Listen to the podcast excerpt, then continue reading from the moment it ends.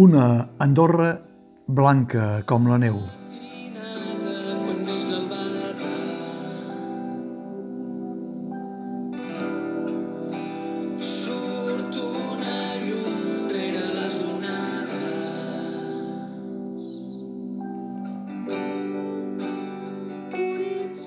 L'autor suís la va titular Andorra, però ell mateix adverteix d'entrada que no té res a veure amb l'Andorra de debò.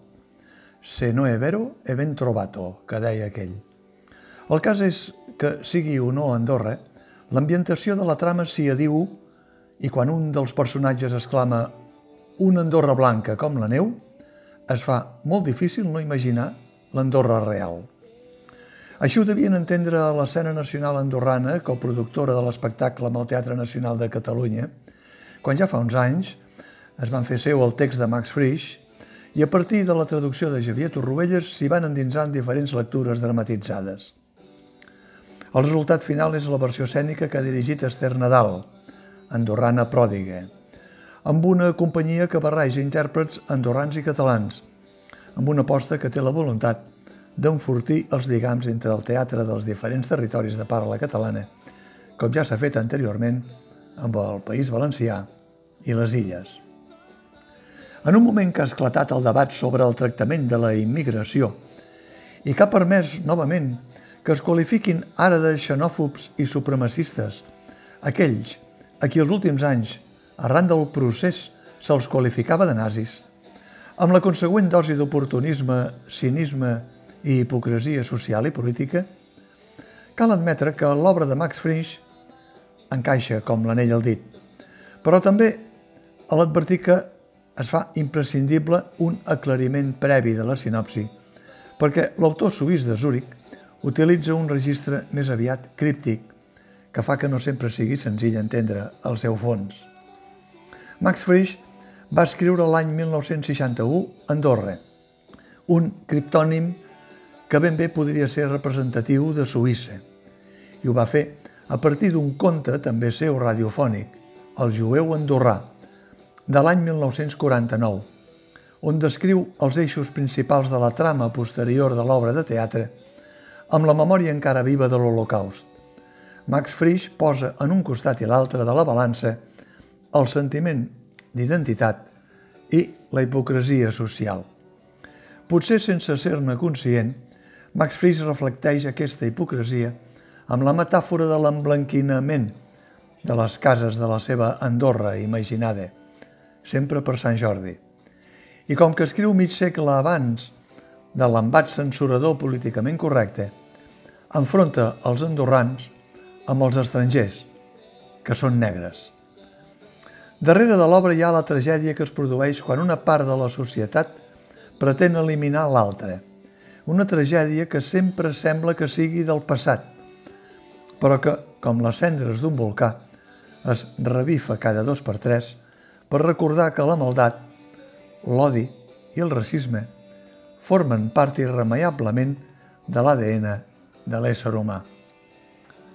Diguem, doncs, només, per situar els espectadors, que el jove Andri és el nouvingut del país dels negres, salvat en el seu moment pel mestre i alliberat i adoptat del país veí amb l'estigma de ser jueu, segons el seu salvador. Però després se sabrà que en realitat és fill biològic del mestre que va tenir amb una dona també del país dels negres. Quan la persecució dels jueus arriba a l'Andorra de Max Frisch, Andri ja no es vol desfer de l'etiqueta falsa de jueu, tot i que el seu pare biològic intenta convèncer tothom que no és jueu. El jove Andri voldria ser fuster, però com a jueu, als ulls de tothom, li toca ser negociant i amant dels diners i la bona vida. Fins i tot, l'amor s'interposa en la tragèdia quan Andri vol demanar la mà al mestre de la seva filla, Barblin, quan no sap que en realitat és la seva germana. El rebuig del pare a la relació referma encara més Andri en la seva condició de diferent, de jueu. La posada en escena que ha fet Esther Nadal manté en bona part les acotacions de l'autor Max Frisch. Alguns dels personatges, com en els temps pretèris del teatre independent, circulen per la platea i pels balcons de la sala. L'escenografia es despulla en un esclat final per deixar un esquelet de vestiment de fusta, potser com si es despullés la hipocresia dels andorrans de ficció. La influència de Bertolt Brecht només hi és de passada, perquè Max Frisch és més social que polític. El dart contra la neutralitat suïssa, exercida durant la Segona Guerra Mundial, hi és present, ni que l'atribueixi a una tal Andorra, que cal recordar que l'autèntica, la del Principat, la que el 1962, la de la Gran Nevada, va fer baixar les llevaneus del pare dels Claret, demanades per l'alcalde franquista Porcioles, també va mantenir una posició semblant de neutralitat entre el 1939 i el 1945, com el règim franquista convertint el Principat en un lloc de pas i de refugi tant de jueus com de nazis i, per extensió, de contrabandistes experts i passadors de muntanya. No hi ha dubte que enfrontar-se teatralment a aquesta Andorra de Max Frisch és un agosarament de cap a peus perquè posa contra les cordes els intèrprets per la densitat del text i el missatge que vol transmetre. El mèrit hi és, però com arriba o com el reben els espectadors ja és tot una altra cosa. En aquest cas, diria que amb un cert asturament des de la platea, perquè sense l'ensinistrament previ a l'obra que esmentava abans, es fa difícil el seguiment i la comprensió. No està al pati, avasat a sèries de sis capítols, per a trames massa críptiques. També la interpretació té el llast d'una certa desigualtat entre els més veterans.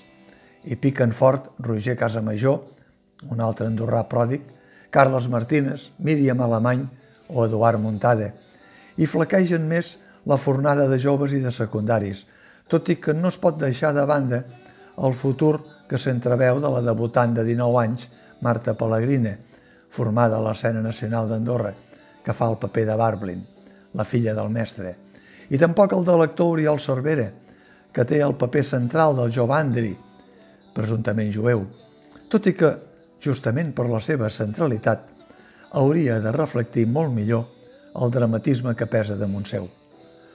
Andorra és un quadre de personatges amb un clam comú a més a crits. Jo també vaig ser culpable de tot el que va passar. La paradoxa és que, a pesar d'aquest sentiment de culpabilitat, l'Andorra de Max Frisch i totes les Andorres continuen blanques com la neu.